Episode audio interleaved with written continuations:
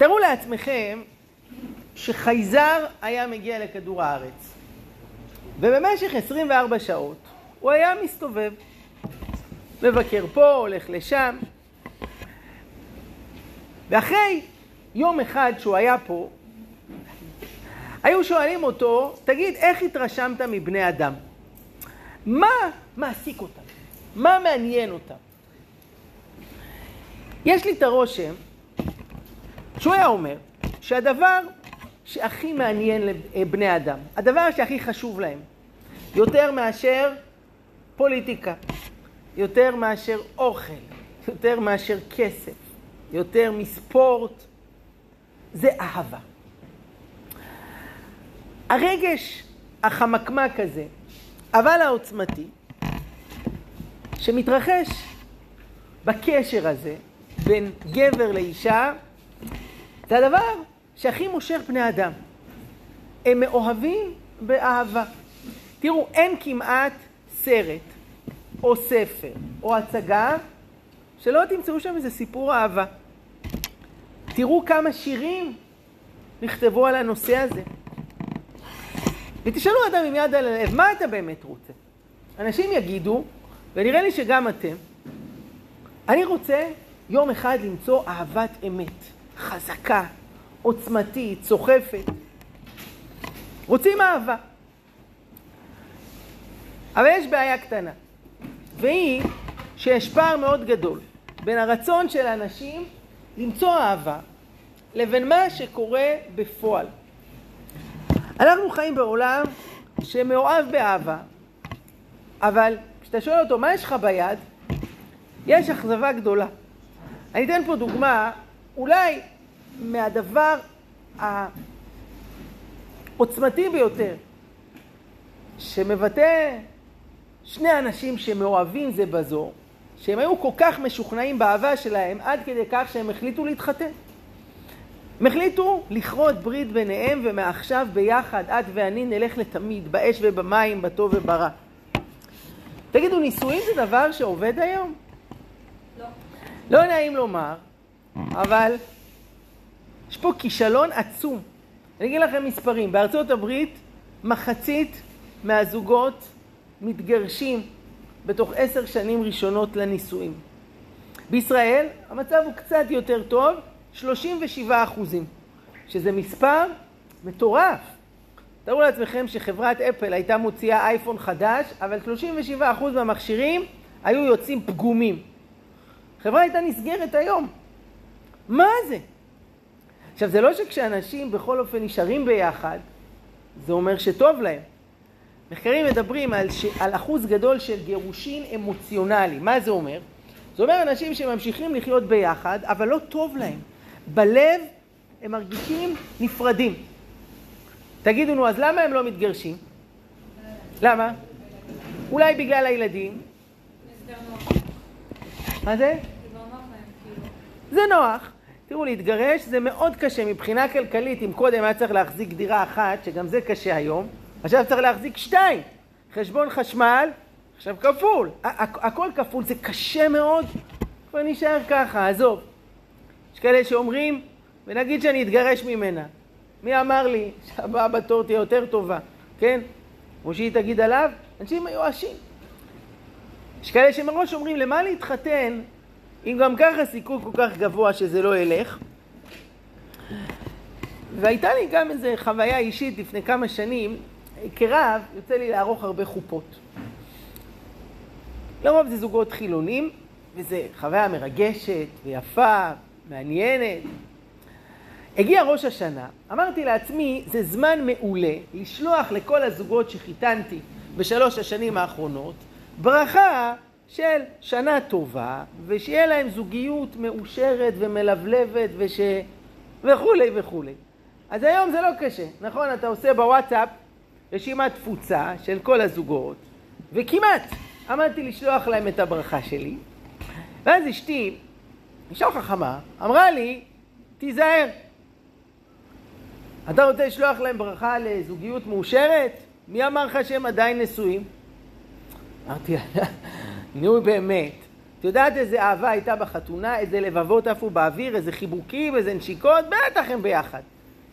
קיצור, לא הקשבתי לה. גם הפעם היא צדקה. ואחרי שאני שולח, עובר דקה, ואני מקבל כבר את התגובות בחזרה. אז היו כאלה שאמרו, וואי, תודה, איזה יופי שזכרת אותנו. היו כאלה שאמרו, לא נעים להגיד, אבל זה כבר לא אקטואלי. עידו ואני כבר לא ביחד. קרן ואני התגרשנו לפני שנה. תקשיבו, מאז אני לא לוקח סיכון. כל פעם שמגיע ראש השנה, אני שולח ברכות. אף מילה על זוגיות. זה נושא כל כך שברירי, אני מדבר על הצלחה בחיים, על הגשמת משאלות. זוגיות, לך תדע. תראו, זה עצוב. אהבה. כמה רוצים את זה? כמה חולמים על זה? ובסוף תראו איך זה נראה. אתם יודעים, בחתונה נוצרית, אז כשהם עומדים שם לפני הכומר, בטח ראיתם את זה באיזה סרט. אז הוא אומר שם, אני לוקח אותך לי לאישה עד ש... המוות יפריד בינינו. עד שהמוות יפריד בינינו, נכון? מצטיינת, יפה. אבל לרוב הכוונה היא עד שהיא תעשה לו את המוות או שהוא יעשה לה והם ייפרדו. מה הכי מדהים? השיא של השבר הזה נמצא דווקא אצל אלה שהכי מדברים על זה. כל עולם המפורסמים, הסלבס, זמרים, שחקנים, דוגמניות, כוכבים, שהם כל כך הרבה שרים על אהבה, מציגים אהבה. תגידו, איך נראית אהבה וזוגיות בחיים שלהם? הכי גרוע שאפשר. יש עיתונים עם מדור מיוחד, מי התחתן, מי בגד, מי התגרש, עם מי, כמה, למה ואיך. נתקלתי פעם באינטרנט בביוגרפיה של איזה שחקנית ישראלית, והיה כתוב, היא הלכה, היא הצטלמה, היא הופיעה, ואז היה תוספת. בן זוגה, נכון לרגע כתיבת שורות אלו, הוא, זה השם של איזה אחד. בטוקבקים כבר ידעו להגיד, עזוב, זה כבר מזמן לא אקטואלי. הספיקה להחליף עוד שניים מאז. וזה כל כך עצוב, שאפילו אהבה עוצמתית, נצחית, איך כותבים את זה? בן זוגה נכון לרגע כתיבת שורות אלו. כמו מזג האוויר. מה יהיה מחר? לך תדע. אני אומר לעצמי, אתם שרים על אהבה? תסתכלו במראה. זה כמו שיעמוד פה אחד, שוקל 220 קילו, עם סיגריה בפה, ויעביר הרצאה על תזונה בריאה ושמירה על אורח חיים נכון. בוא, תסתכל על עצמך. קודם כל, תעבוד אתה על מה שצריך. אתה תדבר לנו על... אתם שרים לנו על אהבה? תראו איך זה נראה אצלכם. למה אני אספר לכם את כל זה? אנחנו הדתיים, יש לנו איזו תחושה שבנושא הזה של אהבה, בנושא של היחסים בין המינים, אנחנו מפסידים בגדול. כי אצלם, אלה שלא מחויבים להלכה, חיים איך שבא להם, עושים מה שהם רוצים, איזה כיף. איך האהבה שם מלבלבת, פורחת, איך הם נהנים. אין שם שמירת נגיעה, אין שם כל מיני המצאות כאלה של דוסים. אצלם חופשי, אהבה, בכיף, כל היום וכל הלילה, כמה שרק רוצים. ואני חושב שיש פה טעות עצומה.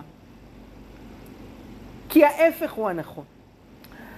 אני חושב, אני אנסה להסביר ולהדגים את זה בדקות הקרובות, שדווקא בתחום הזה, אני חושב שאדם שהולך בדרך שההלכה מתווה, הוא מרוויח בגדול. כי אם, אם תשאלו אותי, בשר וחלב, למה לא לערבב? דווקא נראה טעים ביחד. אני אגיד, תשמע, אני, אני לא יודע להסביר, אבל זאת ההלכה. כך אומרת התורה, אני נאמן לתורה, להלכה, אני שומר על זה. דווקא בתחום של אהבה, אני חושב שאפשר לראות בעיניים. שמי שהולך בדרך, בנוסחה, שאני אנסה להציע פה עוד רגע, הסיכוי שלו למצוא אהבת אמת, עוצמתית, חזקה, יציבה, גדול פי אלף, מאשר מי שחי בדרך שאנחנו רואים היום ברחוב. אין גבולות, זורמים, אין מה להשוות בכלל. למה? אני אגיד לכם למה.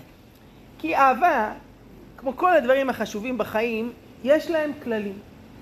יש שיטה, זה לא סתם. מה שיצא, יצא. כמו באוכל, אדם רוצה איזה ארוחה טובה, משהו איכותי, אתה לא לוקח סיר, זורק פנימה מה שיש בסביבה, מערבב, בסוף יצא משהו. איכס. יש מתכון, יש כללים, מתי להכניס, כמה לערבב, איך, ככה זה עובד. הטענה שלי שגם לאהבה יש מתכון. כלומר, אם נגיד היה פה עכשיו סיר, והייתי צריך סיר של אהבה, של זוגיות, והייתי רוצה להכניס לתוכו איזה שלושה, ארבעה, חמישה מוצרים, כדי שזה יעבוד, כדי שזה יהיה טוב, כדי שזה יהיה עוצמתי, חזק, יציב, מה הייתי צריך להכניס לסיר? עכשיו, עוד שאלה זה מה לא כדאי שייכנס לסיר, כי הוא עלול לקלקל את התבשיל. אפשר לתת פה איזה 60 שניות שכל אחד עם זה שלידו, כל אחת עם זאת שלידה, תחשבו על שלושה דברים שאתם הייתם מכניסים בתוך הסיר הזה, סיר הזוגיות והאהבה האמיתית, כדי שיצא טעים. מה צריך שיהיה בפנים? מרכיבים. איזה עקרונות, כדי שזה יעבוד 60 שניות מעכשיו. קדימה.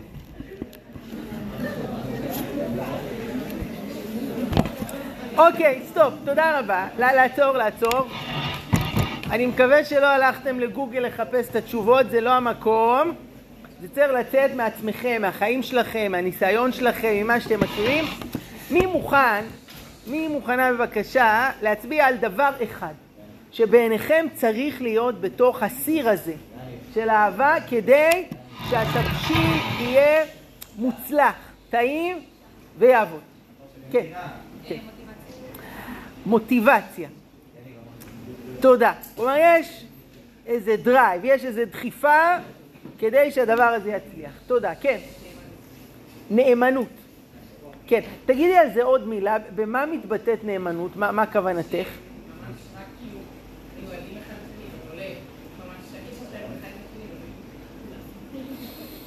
כן, תודה. אה, בנים, כן. איך? נתינה. תודה, כן. כבוד. תודה, כן? כנות. תודה. אני אשאל, כן? פתיחות. פתיחות. אני אשאל שנייה הפוך, איזה רכיב לדעתכם לא טוב? הוא עלול לקלקל אם הוא ישתחרר פנימה אל תוך הסיר? מה לא טוב שיהיה? גאווה, כן? גאווה. עצלנות, איך זה קשור? אה, כאילו לא לא לפתח את הזוגיות, כאילו, אז לא לא לא יוצאים ולא עושים דברים ביחד. לא- לא משקיעים. עצלנות. כן? כעס. אוקיי, תודה, מעולה. אמרתם פה איזה חמישה דברים להכניס בפנים, שלושה דברים להשאיר בחוץ. אני רוצה להוסיף פה עוד כמה דברים שלדעתי זה חלק מהמתכון. לאהבה אמיתית, חזקה, מוצלחת. אה, מי שהצטרף אלינו אחרי ההתחלה, אני- מזכיר את בקשתי והצעתי, תיפרדו לכמה דקות מהמכשירים כדי שתוכלו להיות פה. עד שכבר הגעתם, תהיו. רכיב אחד שאני מציע לשים בפנים זה עיתוי נכון. מה הכוונה? אני אגיד לכם כלל במתמטיקה. הוא אומר שכדי שחצי ועוד חצי יהפכו לאחד, צריך שיהיה פה אכן חצי וחצי. אבל אם יש שליש ורבע, גם החיבור שלהם ביחד לא יוביל אל השלם שאנחנו מחפשים. ולענייננו, הכלל הזה נכון גם אצל בני אדם, והוא רלוונטי מאוד לאהבה. כדי ששני חצאים יהפכו להיות שלם אחד, הם צריכים כל אחד להיות חצי. כלומר, לעבור איזושהי כברת דרך של אדם עם עצמו. אבל אם הוא שליש והיא רבע, אז גם החיבור שלהם לא יהיה מספיק טוב. יכול להיות שכבר בגיל 16 או 11 בא לנו להיכנס לאיזה קשר של חברות. אבל אתה יודעת שיש שלב בחיים שאדם צריך להשקיע בעצמו. להשקיע בעצמו זה לא אומר להיות אגואיסט. אתה יכול להתנדב במיליון דברים, אבל עדיין המוקד של משאבי הזמן והנפש שלי ממוקדים בשלב הזה בחיים לפתח את האישיות שלי. מה נכון בשבילי? במה אני מאמין? לעבוד על המידות שלי, על היכולות הבין אישיות, לפתח את האישיות, את הכיוון. כשאני אהיה מספיק בשל ושלם מצד עצמי, יהיה מקום להתחבר עם עוד מישהי, כדי שביחד נוכל לעלות לשלב הבא. כשעושים את זה מוקדם מדי, עלול להיווצר קשר של בוסר. דוגמה לדבר, אם יש לכם איזה עץ בגינה, נגיד תפוחים, ואתם כל כך רוצים כבר לטעום את הפרי שלו, והנה בצבץ פה איזה תפוח ירוק קטן, קשה לי להתאפק. אז מה אני עושה? כותב ונוגס. איך הטעם שלו? חמוץ, זה מגעיל. יש חשש לקלקול קיבה, ויותר מזה, אם אכלתי אותו עכשיו, אז אכלתי אותה. והפרי הקטן הזה אף פעם לא יגדל להיות התפוח האדום והגדול שהוא היה אמור להיות. תראו, לא בכדי רוב הקשרים שהתחילו בגיל 16, אם אשאל את עצמי, האם זאת תהיה בחירת ליבו, זה יהיה בחיר ליבה? לא. לא הייתי שם על זה כסף. סיכוי גבוה מאוד שזה לא יחזיק מעמד. למה? כי זה עוד לא השלב. בן אדם צריך בזמן מסוים להשקיע את כל האנרגיה, מה מקדם אותי, מה מפתח אותי, מה נכון בשבילי, בלי שאני צריך להתחשב במישהו אחר.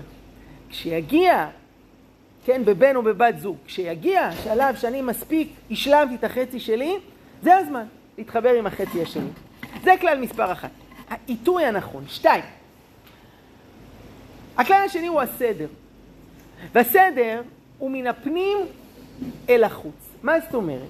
זה אומר שאהבה נכונה בנויה קודם כל מקשר של שתי נשמות, שמתבטא בקשר נפשי, כימיה, חברות, חיבה. והשלב השלישי זה הקשר הפיזי, שהוא מגיע בתור המעגל האחרון. אנחנו מאמינים שאיש ואישה שבחרו זה בזו, זה לא במקרה.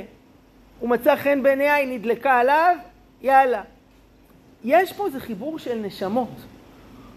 חז"ל אומרים 40 יום קודם יצירת הוולד, בת קול מכריזה, יש פה שני חצאים של נשמה אחת שהופרדו בלידתה והם חוזרים ומתאחדים ביחד. אם אתם מכירים את השיר של שלומי שבת, בלעדייך אני חצי בן אדם, אז זה הרעיון העמוק שעומד מאחורי זה. יש ברכה שאומרים מתחת החופה, זו אחת משבע הברכות, ברוך אתה השם אלוקינו מלך העולם, יוצר האדם. שלכאורה זו ברכה שהיה צריך לברך אותה, אתם יודעים איפה? בחדר לידה. הנה יש פה תינוק, נוצר אדם חדש, לא? אז כתוב בספר הזוהר שכשנולד תינוק עוד לא נוצר אדם. כי כל אחד מאיתנו הוא לא שלם בפני עצמו. כל אחד הוא חלק מאיזושהי שלמות יותר גדולה. שיש לה צד גברי שמביא לתוך הקשר את כל האיכויות שלו, וצד נשי שמביא לתוך הקשר את כל האיכויות שלו, והחיבור ביניהם שנוצר מתחת החופה, פה נוצר אדם. אז זה חיבור של נשמות. הקומה השנייה זה חיבור של נפשות. שאנחנו לא רק נהיה שני חלקים של נשמה אחת, אלא נהיה חברים הכי טובים. ויהיה לנו טוב ביחד, ויהיה כימיה ותקשורת וכבוד והערכה. השלב השלישי זה החיבור הפיזי, שמתבטא במגע ומעבר לזה. ועומדת פה פירמידה. העולם המערבי, העולם החילוני, נוטה להפוך את הסדר. כלומר, אנשים מאוד מהר מגיעים אל הקשר הפיזי.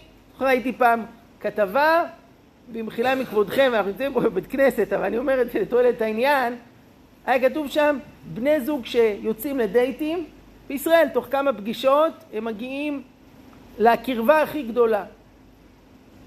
האם זה בדייט שלישי או רביעי? זה פחות או יותר היה הסדר גודל. שלא לדבר על אלה שמראש, פגישה ראשונה זאת הייתה המטרה, שלרוב היא גם תהיה הפגישה האחרונה. למה? כי זה נורא פשוט. כשאתה לוקח פירמידה ואתה שם אותה הפוך, על השפיץ, מה קורה? תוך שנייה זה נופל. יש סדר נכון לבנות את הקשר. חיבור של נשמות, חיבור של נפשות, והחיבור הפיזי, שהוא חשוב, שהוא עוצמתי, שהוא מצווה, כשעובדים לפי הסדר. זה היה כלל מספר 2. שוב, הנקודה הראשונה הייתה עיתוי נכון. כשכל חצי הוא במקום הבשל שלו והוא מוכן לשלב הבא. כלל שני שעובדים לפי סדר נכון, חיבור של נשמה, נפש וגוף. כלל שלישי, כן. אתה שואל איך אני יודע אם יש פה חיבור נכון של נשמות. שאלה טובה, כי אנחנו לא מקובלים ואנחנו לא מיסטיקנים ואנחנו לא יכולים לראות אל תוך הנשמה אם זה נכון או לא נכון, ואני גם לא מציע לאף אחד ללכת, למי שמתיימר להגיד שהוא יודע סודות של נשמות ולפי כל מיני חשבונות זה מתאים או לא מתאים, לא. אנחנו צריכים לפעול בדרך שהקדוש ברוך הוא נתן לנו, והוא, הקדוש ברוך הוא נתן לנו לב, הוא נתן לנו שכל, במידת הצורך להתייעץ, אם אנחנו לא בטוחים, רוצים לשמוע עוד כיוון, וללכת עם האינטואיציות שלנו, עם ההרגשות שלנו, עם שיקול הדעת שלנו, זה בסופו של דבר יכוון אל מה שהקדוש ברוך הוא קבע משמיים. רכיב שלישי, לשים בתוך הסיר של האהבה, הוא קשור למניע. מה אני בא להשיג מהקשר הזה? שימו לב שמשתמשים היום במילה אהבה בשתי צורות שונות. בן אדם יכול להגיד, אני אוהב פיצה, אני אוהבת שווארמה. ובן אדם יכול להגיד, בחור יכול להגיד לבחורה, אני אוהב אותך. או שהיא יכולה להגיד לו, אני אוהבת אותך. תגידו, האם זה אותו דבר? שימו לב, זו אותה מילה, אני אוהב שווארמה ואני אוהב אותך. האם יש הבדל?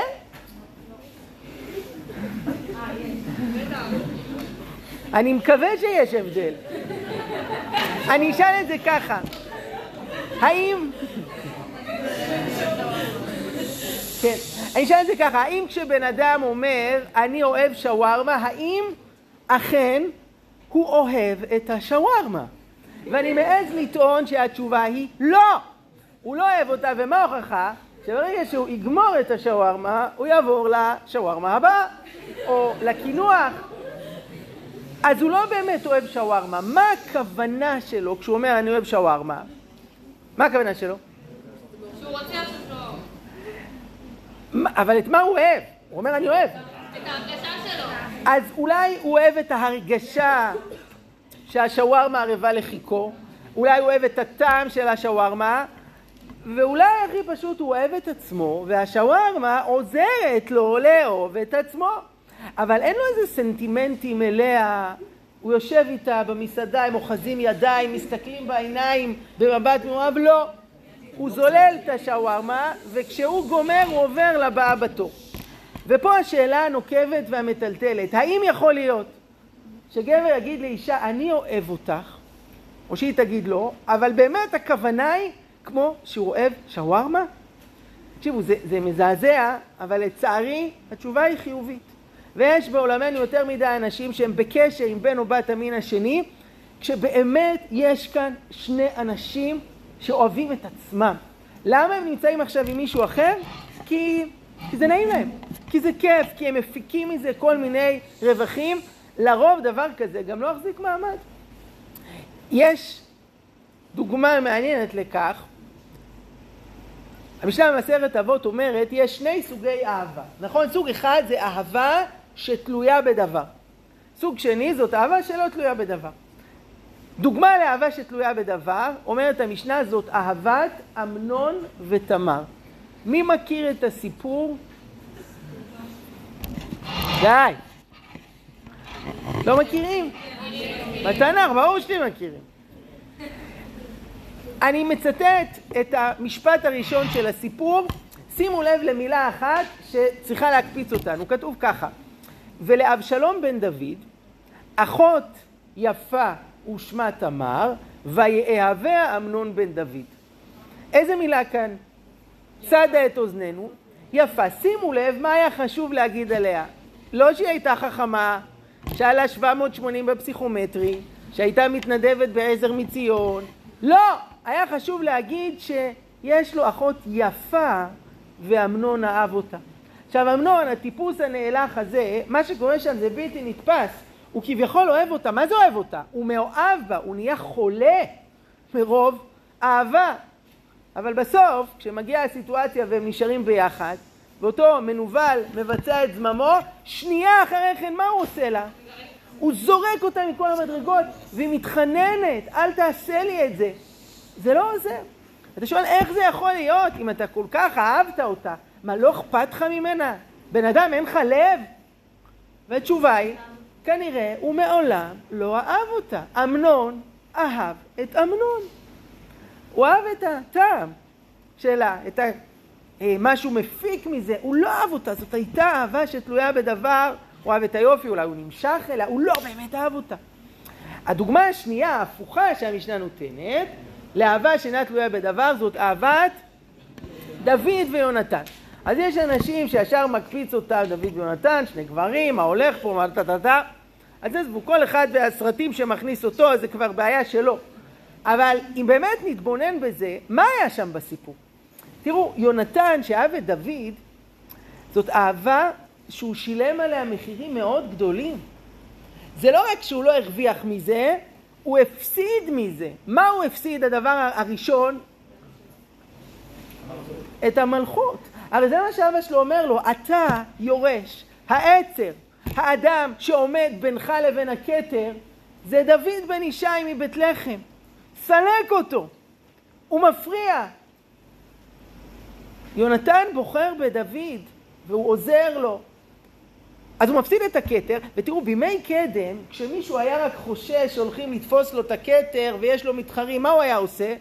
הוא היה מחסל את כל מי שאפשר, ויונתן בוחר בדוד לצידו, אז הוא מפסיד את הכתר, הוא מפסיד את הקשר שלו עם אבא שלו.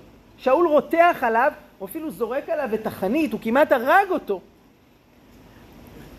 רואים כאן אהבה שהנקודה זה לא מה אתה מרוויח מזה, אלא למרות שאתה אולי מפסיד מזה, אבל אתה באמת אוהב את האדם, את הנשמה הגדולה שלו, את היופי הפנימי שלו, את הטוב שיש בו, ולכן גם זה יהיה קשה, אתה לא תוותר על הדבר הזה. לכן אני חוזר, ושוב, העיקרון השלישי, מה המניע? האם כשאני אוהב את השני, כשאני אוהב אותה, כשאת אוהבת אותי, האם אני באמת אוהב אותך, את הפנימיות, את הטוב, או שהשאלה זה מה אני מרוויח מזה. איפה זה נוח, איפה זה משתלם לי, וברגע שזה לא יהיה ככה, אני ממשיך הלאה. כי אף פעם זה לא היה עניין את, העניין זה אני, מה אני מרוויח מזה. האם כשאני אומר, אני אוהב אותך, זה כמו שאני אוהב גלידה, או פיצה, או שווארמה, או קולה, או שאני אוהב אותך. זאת נקודה שלישית. נקודה רביעית, וזאת המילה מחויבות. מה זה אומר מחויבות? מחויבות זה אומר שאני מתחבר למשהו, אבל עושה את זה לטווח רחוק. לא רק כרגע שנוח. אתם בטח כבר לא זוכרים, אבל עד לפני לא הרבה שנים, אדם שקנה מכשיר טלפון ועשה מנוי נגיד באורנג', בסלקום, בפלאפון, והוא היה רוצה לעבור חברה. אתם יודעים מה היה קורה? היה אפשר לעשות את זה בכלל? התשובה היא שכן, פעם בשלוש שנים. היית חותם על חוזה שאתה מתחייב ל-36 חודשים לחברת סלקום. אם היית רוצה לעבור חברה, היית צריך לשלם קנסות יציאה, והיית מאבד את המספר שלך. כלומר, המספר שלך שייך לסלקום. אתה אומר עכשיו לאורנג', אתה צריך אפילו כל לתת מספר חדש. זה, זה נשמע לכם הזוי. הייתה מהפכה בתחום הזה, השר אה, כחלון בזמנו, השתנו הכללים. היום כל כמה חודשים מותר לעבור חברה? כל שלוש שניות אתה יכול לעבור חברה, אתה נשאר עם המספר שלך. אנחנו חיים היום בעולם, אתה לא מחויב לשום דבר. אתה עושה רק מה שטוב לך ומה שנוח לך. יש דברים שבהם זה טוב, נגיד בטלפונים. אבל כשמדובר בזוגיות, זה לא טוב. לפי המסורת היהודית, כשזוג מתחתן, החתן נותן לכלה שטר. איך קוראים לשטר הזה? כתובה. כתובה. מה זה כתובה? זה שטר של מחויבות, ודרך אגב, זאת המצאה בת אלפיים שנה, שבזמנו היא הייתה חדשנית, היא הייתה מהפכנית.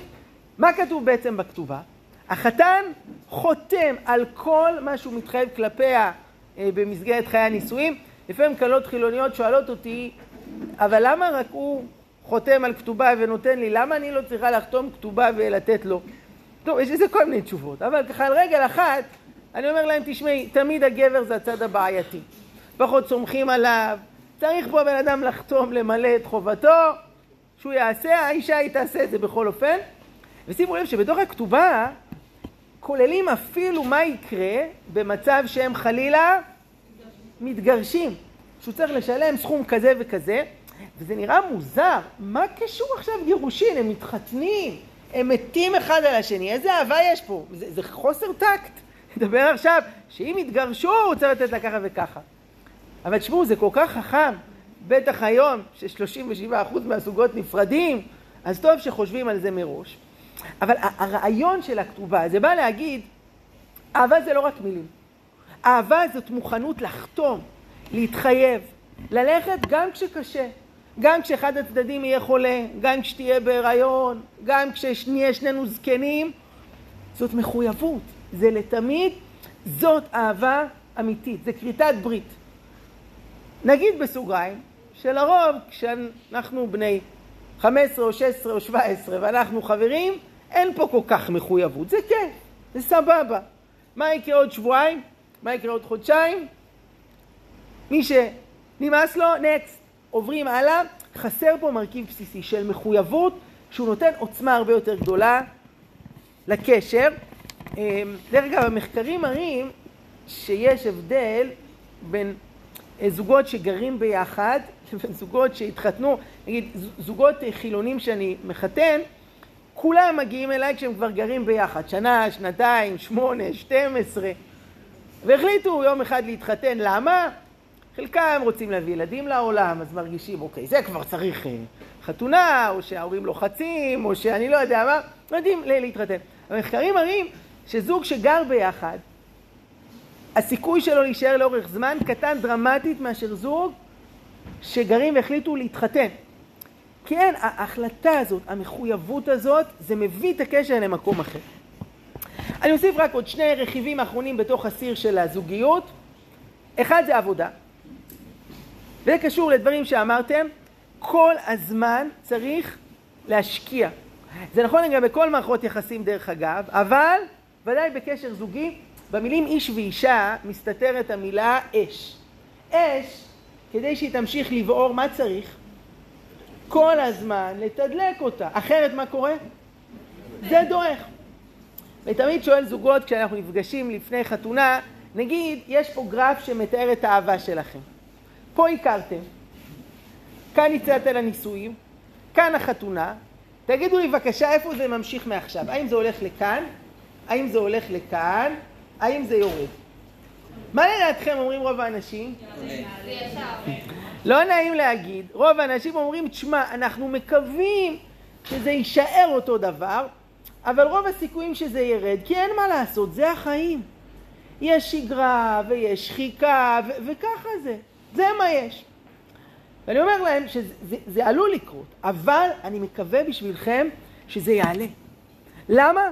כי אתם כל הזמן תתדלקו ותעבדו ותתקדמו, ואם עכשיו היא החברה שלך, או בת הזוג שלך, ועוד שבועיים היא תהיה אשתך, עוד שנתיים היא גם תהיה אימא של הילד שלך, ואתה תהיה אבא של הילד שלך, שלה, ואתם תעברו דברים ביחד, זה, זה מתקדם, זה צומח, ואני אומר להם, עכשיו אתם מבינים למה מזמינים צלם לעשות תמונות בחתונה? כדי שעוד חמש שנים, כשתסתכלו על התמונות של החתונה, תגידו, מה זהו? זה כל מה שהיה בינינו? אין, אנחנו עכשיו ליגה אחרת. תשמעו, זה, זה ככה, אני, אני יכול להגיד לעצמנו, אשתי ואני, נשוי ברוך השם, 17 שנה. תקשיבו קטע, אכלנו השבת אצל משפחה, ו... אם המשפחה אמרה שההורים של הנישואים, את, אתם לא תאמינו, 72 שנה. אתם אומרים, איך זה יכול להיות? אז תראו, אמא שלה הייתה בת עשר, כשהם התחתנו, שם באתיופיה זה היה מקובל, האבא היה בן 20, אה, פער קטן, אבל אצלם זה היה מקובל, והם אה, אה, שניהם בחיים, ושניהם חוגגים 72 שנה. אמרתי לאשתי, אוקיי, אז כמה נשאר לנו? עוד 55? בסדר, הלוואי. וואו! אבל אנחנו רק 17 שנה. ומסתכלים על התמונות של החתונה, ואני אומר, אין, אין מה להשוות, זה, זה ליגה אחרת. אפשר לטפס לגבהים, זה משהו אינסופי, בתנאי שעובדים, שמתקדמים, שבונים. ואני חושב את הנקודה האחרונה. שצריכה להיות בתוך הסיר הזה, וזאת המילה קדושה. אנחנו מאמינים שאיש ואישה זכו שכינה ביניהם. ומה שקורה בחופה, זה לא רק שהוא נותן לה טבעת. הקדוש ברוך הוא סומך את ידיו ואומר מקודשת, מקודשת, מקודשת. כשהקדוש ברוך הוא נמצא איתנו בקשר, זה הרבה יותר חזק. זה מחזיק, זה עוצמתי, וכשלא, אז זה חסר. אז אם אני מסכם, אמרתי כאן שישה דברים להכניס בסיר הזה של הזוגיות והאהבה. אחד היה עיתוי נכון, שכל אחד עשה כברת דרך מספקת עם עצמו, ורק עכשיו אנחנו מתחברים. שתיים, סדר נכון. יש קשר נשמתי, קשר נפשי וקשר פיזי. יש פה פירמידה, חייבים ללכת לפי הסדר. שלוש, מה המניע? האם אני באה לתת או לקחת? האם אני אוהב אותך או שאני אוהב את עצמי ורק מפיק מפה דברים? ארבע, האם יש פה מחויבות? האם יש פה כתובה? האם יש פה הליכה לטווח רחוק? או שעכשיו סבבה לנו ביחד, אז בסדר. חמש, עבודה. יש כל הזמן השקעה בקשר. עבודה, מתקדמים, מתדלקים. שש, האם הקדוש ברוך הוא איתנו? האם הוא סומך את ידיו על הקשר שלנו?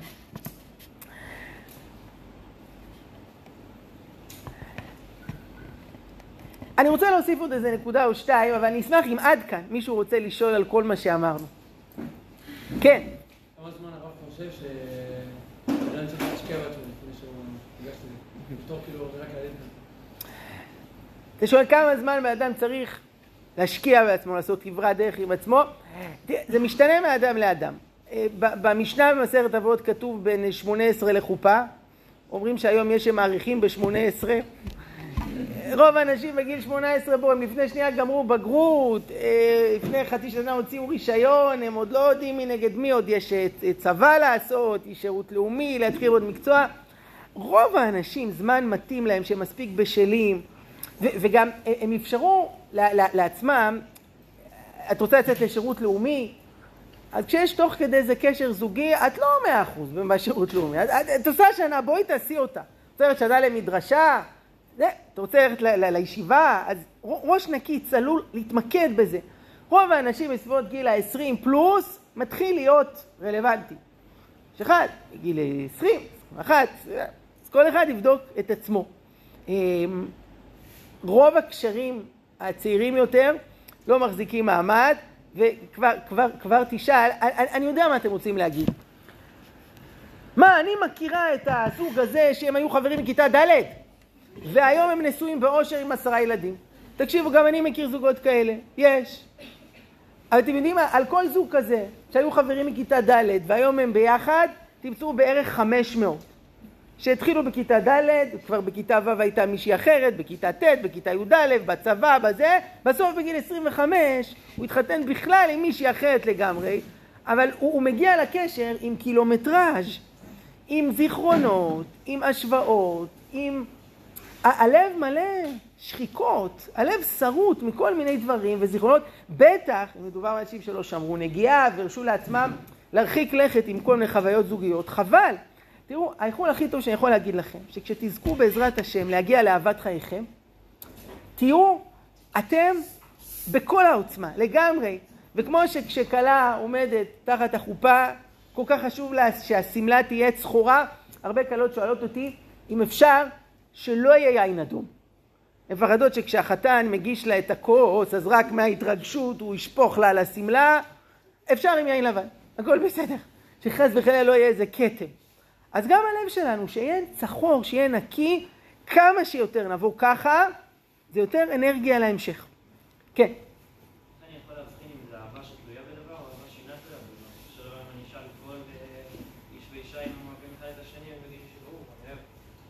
כן.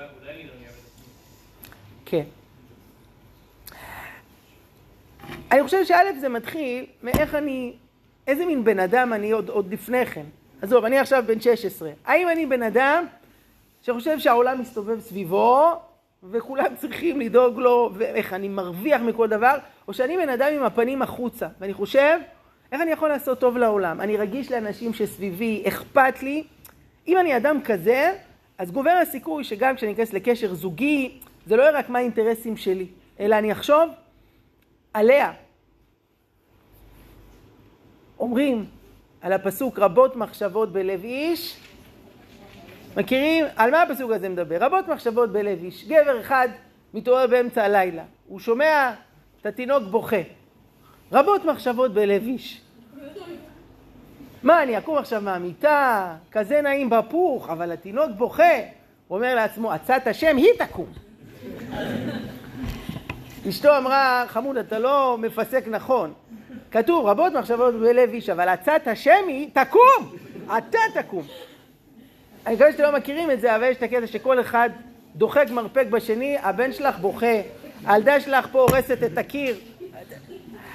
מה שאני מאחל לזוגות, שאצלכם, כשאתם תתחתנו, זה יהיה ההפך.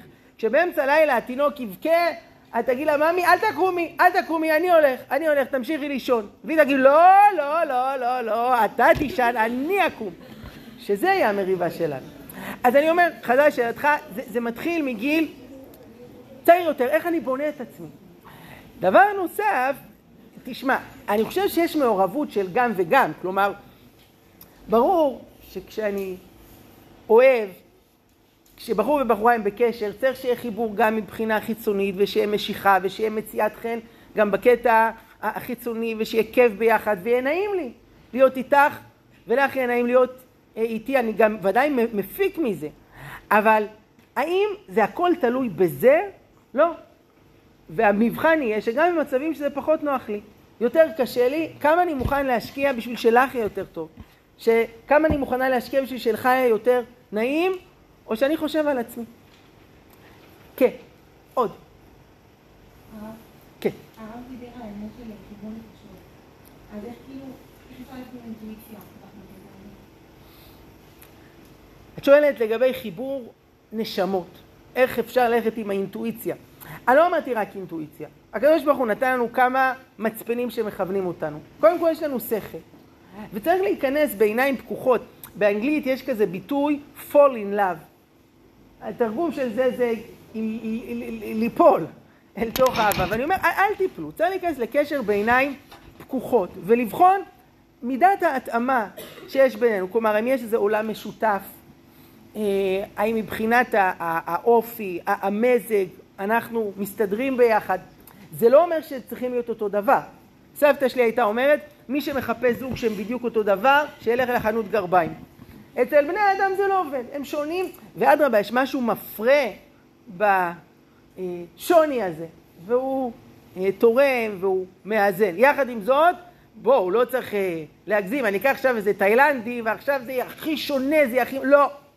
בסופו של דבר צריך לבנות ביחד, אבל שהבית לא יהפוך להיות אתר בנייה. כן, אז צריך מכנה משותף, וצריך לשדר על אותו גל בהרבה דברים, ועולם ערכי משותף. אה, האם בחור דתי ובחורה חילונית לא יכולים להקים זוגיות ביחד? התשובה היא שאין זוגות כאלה, אבל זה ממש לא מומלץ, כיוון שיש פה פערים גדולים, והם התבטאו בחיים בהרבה דברים. מה יהיה עם שמירת טהרת המשפחה, מה יהיה בשבת, מה יהיה עם הילדים, איזה דוגמה הם יראו. זה לא בלתי אפשרי, אבל זה מאוד בעייתי. אז לכן למצוא מכנה משותף. מעבר לכך, לראות שיש כימיה בינינו, שיש תקשורת טובה, שיש מציאת חן גם מבחינה חיצונית, ולהקשיב ללב שלנו. מה הוא אומר? אז אני אומר, כשמפעילים את השכל ומפעילים את הלב, ואם צריך אפשר גם להתייעץ, ובוחנים את זה למשך זמן, לרוב מקבלים כיוון די ברור, זה האיש. זאת האישה שאיתם אני רוצה ללכת. כן. ש? שהשם סומך את העיניים שלו על הקשר. כאילו יכול להיות שיש עיבוב והכל טוב ומרגישים מתאים, אבל האם השם כאילו באמת... אה, אנחנו לא נביאים, ואנחנו לא צריכים לחכות לשמוע אה, בת קול. אנחנו צריכים לעשות את ההשתדלות בכלים שלנו. אחרי שעשינו את המוטל עלינו, אנחנו מאמינים שקדוש ברוך הוא יעשה את שלו ויסמוך את ידו על העניין, כי הוא, הוא לא מצפה מאיתנו למשהו שמעבר ליכולת שלנו. נעשה את המאה אחוז שלנו, והקדוש ברוך הוא איתנו בזה. אוקיי, אז אני רוצה להוסיף עוד איזה נקודה או שתיים, ואז אני אשמח אה, אם יהיה עוד שאלות אחרונות. הרבה פעמים שואלים אותי, תשמע, אני בן 15, הכרתי מישהי בסניף, מוצאת חן בעיניי, קצת דיברנו, אבל לא בטוח. מצד שני, אני יודע שזה לא זמן מתאים לקשר, אבל אם אני עכשיו אפרד ונפסיק את זה, יכול להיות שהפסדתי פה את אהבת חיי, אולי זאת האחת המיועדת לי משמיים, ועכשיו אני אפרד ממנה, מי יודע מה יהיה. ואני אומר, אתה צריך לשאול את עצמך מה הדבר הנכון לעשות, מה הקדוש ברוך הוא רוצה ממני. אני מאמין שאם נעשה את הדבר הנכון, לא יכול להיות שאתה תפסיד את בחירת לבך רק בגלל שעשית את מה שצריך לעשות. אם זאת המיועדת לך, סמוך על הקדוש ברוך הוא, שימצא בבוא הזמן את הדרך לחבר ביניכם. אם זאת לא היא, עדיף שתיפרדו עכשיו. ולא שעכשיו תבזבז חצי שנה על הקשר וככה וככה וככה ובסוף זה לא זה וסתם תסחוב איתך. אני יכול לספר לכם על אחותי. אחותי היקרה, אה, בכיתה י"א, היה לה חבר מהסניף. הכירו, והתחיל הקשר, והיה במשך איזה שנה. ואז אמצע כיתה י"ב, אני זוכר את הערב הזה שהיא התקשרה אליי ואמרה, יוני, החלטנו להיפרד, והיא הייתה בדמעות. למה הם החליטו להיפרד? לא כי לא היה להם נחמד ביחד, אלא כי אה, שמיניסטים, הוא תכנן ללכת לישיבה, היא תכנן ללכת לשירות לאומי, ואמרו, זה, זה, לא, זה לא הזמן. עכשיו אנחנו צריכים כל אחד לעצמו עד הסוף, בלי קשר, ולהיות מכוונים, ממוקדים עד הסוף. והם נפרדו, ווואו, זה היה ממש מעשה אמיץ ומעורר התפעלות. שנתיים וחצי אחרי כן, הם החליטו לחדש את הקשר, אה, היום יש להם עשרה ילדים. אה, שמחים ומאושרים, אבל הם, אה, אני חושב שעשו בחוכמה. אה, להגיד שזה קל, זה לא קל. עכשיו אם יבוא מישהו ויגיד לי, תשמע, אנחנו כבר חמש שנים בקשר, אנחנו לא מסוגלים להיפרד זה, טוב, אז פה כבר צריך לחשוב מה, מה לעשות, אם יש דרך אחרת, אבל מראש יותר חכם לא להכניס את עצמי, אלא בסבלנות, כי אנחנו הולכים פה על כל הקופה. התורה היא לא נגד אהבה, היא בעד, אבל אהבה אמיתית בזמן הנכון, עם האדם הנכון, בשביל זה צריך גבורה וחוכמה וסבלנות. אני רוצה להגיד מילה על שמירת נגיעה, בסדר? אולי השאלה הכי נפוצה בחברים מקשיבים זה למה לשמור נגיעה? תראו, מי שירצה יכול למצוא באתר שלי מילה טובה, ככה קוראים לו, יש שם איזה קטע שכתבתי עם שמונה הסברים על המשמעות של שמירת נגיעה, יש גם בספר איי הרב, מי, מי מכיר? קראתי סטנד. או, אשריכם. אז השלישי יצא, אבל זה ייקח עוד כמה חודשים, סבלנות. אמ, אז יש שם גם התכתבות בנושא הזה, אבל בעיניי התשובה הכי טובה, הכי משמעותית, הכי נכונה, היא זאת שאני אגיד עכשיו. למה לשמור נגיעה? מאותה סיבה שצריך לשמור שבת. ומאותה סיבה שאנחנו שומרים כשרות. למה? כי יש לנו אמונה בהשם ואמונה בתורה, ואנחנו הולכים עם זה גם אם אנחנו לא מבינים. ומי שלא יודע, שמירת נגיעה זה, זה ביטוי נורא בעייתי, כי הוא יוצר איזה רושם כאילו יש כאן אופציית רשות למעוניינים. כאלה שהם שועממים, אין להם מה לעשות, או שהם צדיקים מיוחדים, הם התפללו ותיקין, הם... אז הם גם שומרים נגיעה בשעותם הפנויות. לא, שמירת נגיעה זה חובה מהתורה, כך דעת הרמב"ם, כך נפסק בשולחן ערוך, כמו שמירת כשרות, כמו שמירת שבת, בלי קשר לשאלה מה יתפתח בעקבות זה. לכן האמירה אנחנו מכירים את עצמנו ואני יודע שזה לא יגרום לנו, זה לא קשור. זה מצד עצמו. עכשיו למה? אז תקראו בספר. תראו באתר, יש שם שמונה הסברים על המשמעויות, בעיניי זה שיקוי פלא. חשוב ויקר מאין כמותו. אה, כמובן, רק נבהיר, מה זה שמירת נגיעה? הכוונה היא להישמר ממגע שמבטא קשר, מבטא חיבה. אה, את הולכת ברחוב ואת רואה איש עיוור מנסה לחצות את הכביש והוא נתקל בעמוד, אז מותר לך לאחוז בידו ולעזור לחצות את הכביש, לא על זה מדובר. או אתה הולך לשיננית שעושה לך טיפול בשיניים והיא נוגעת בפה, לא לזה הכוונה. הכוונה היא משהו שמבטא יחס. אמר לי מישהו, מה, וגם לתת כיף? אמרתי לו, ברור. למה, אתה הולך ברחוב אנשים שאתה לא מכיר, אתה נותן להם כיף? ייתנו לך כאפה.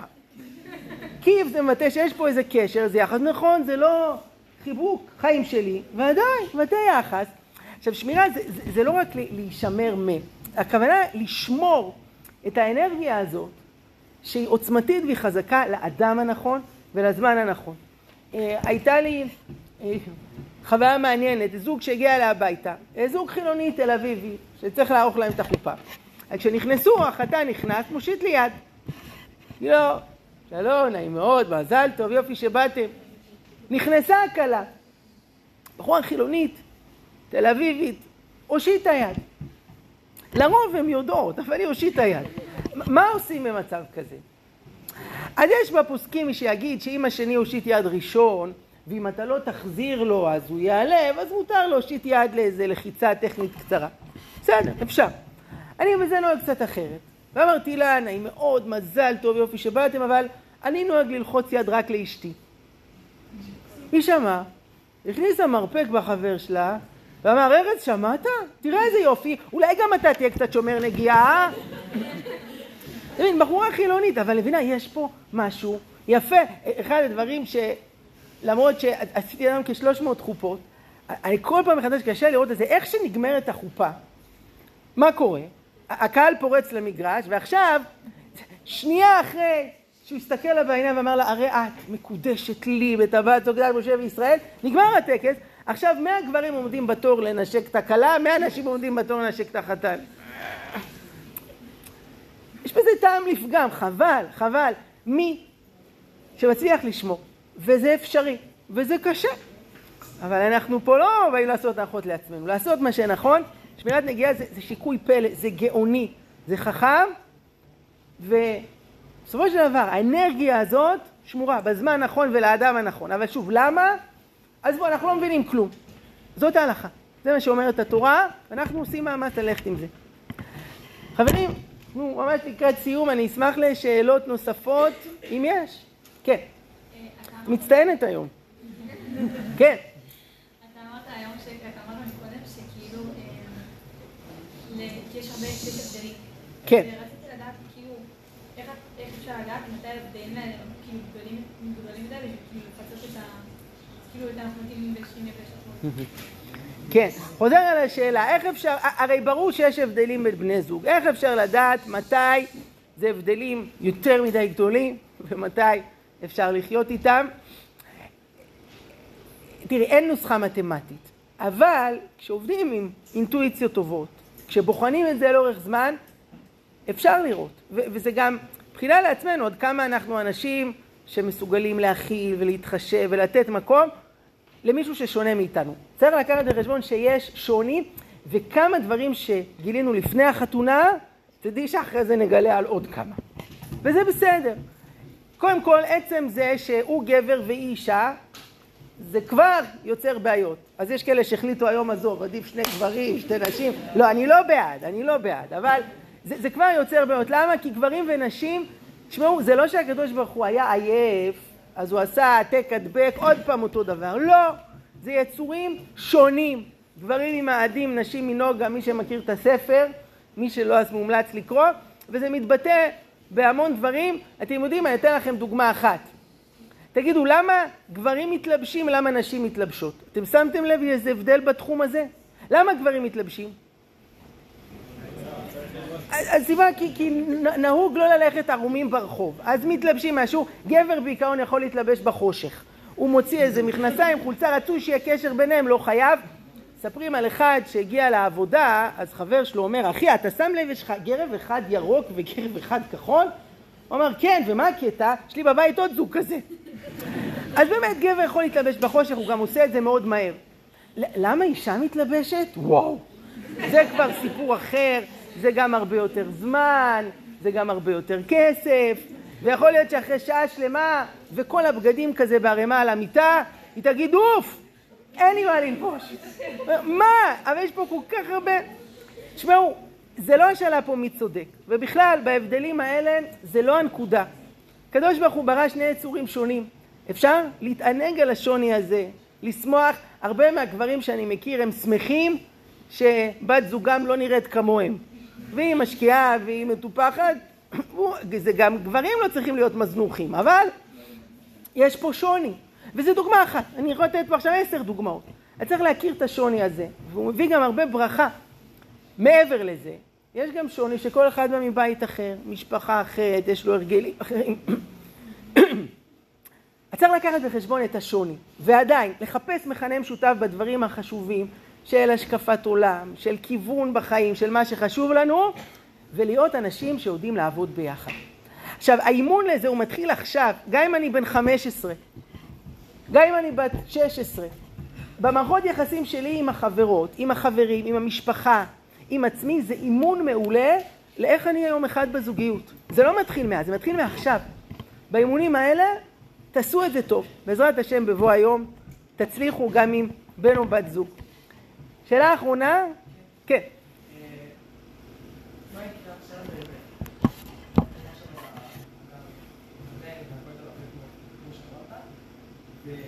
ויש לך משפחה גדולה, ויש לך המון אה, בני דודות שזה, שזה גם מאוד אה, הרבה מה אתה עושה?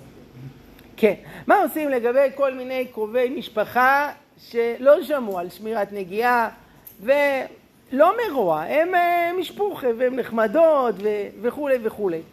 אז אה, צריך לדעת שבני דודים אה, חל על זה, העניין של שמירת נגיעה. על, על מה זה לא חל? זה לא חל על הגרעין המשפחתי הקרוב, כלומר, זה לא בין הורים לילדים, זה לא בסבא וסבתא, אתה פוגש את סבתא, תן לה נשיקה, הכל בסדר. אבל מעבר לזה, דודים, דודות, בני דודים, בני דודות וכולי, אז אפשר, מה נשמע, מה קורה, מה שלום סבא, איך היה בזה, בסדר. אבל בקטע הפיזי צריך, אה, יש פה איזה חיץ אה, בינינו, אני מציע להתגבר על המבוכה פעם אחת ולהגיד להם, "אה, מה, מה העניינים, שומר נגיעה אפשר פעם בלי הזה?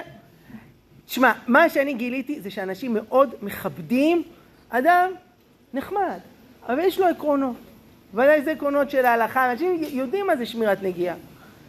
אני חושב שאם אנחנו אומרים את זה ובצורה נעימה ומכבדת, אז אם אתה בא והדודה הזאת הדביקה עוטה את עצמה, אתה לא יודע לתת לה בעיטה. תבטא איזה חוסר שביעות רצון בתקווה שהיא תבין את הרמז. אבל לרוב כשאדם משדר נעימות ותהיה נחמד וג'נטלמן מצד אחד, מצד שני לדעת לשמור על הגבולות שלי, זה מצוין. חברים יקרים, אה, היה לי תענוג לבוא לפה היום, כיף לראות אתכם, מקווה בעזרת השם להיפגש עוד. אה, אני אשלח קישור, מי שרוצה לשמור על קשר, לקבל אה, חומרים, אני שולח, יש אלפים שמקבלים חינם, סרטונים, סיפורים, רעיונות, אז אתם מוזמנים להצטרף לקבוצות, ויש את הספרים של היה רב, אה, אז אפשר להשיג, ושיהיה בהצלחה, שיהיה חופש טוב, שיהיה חיים טובים, תודה לכם.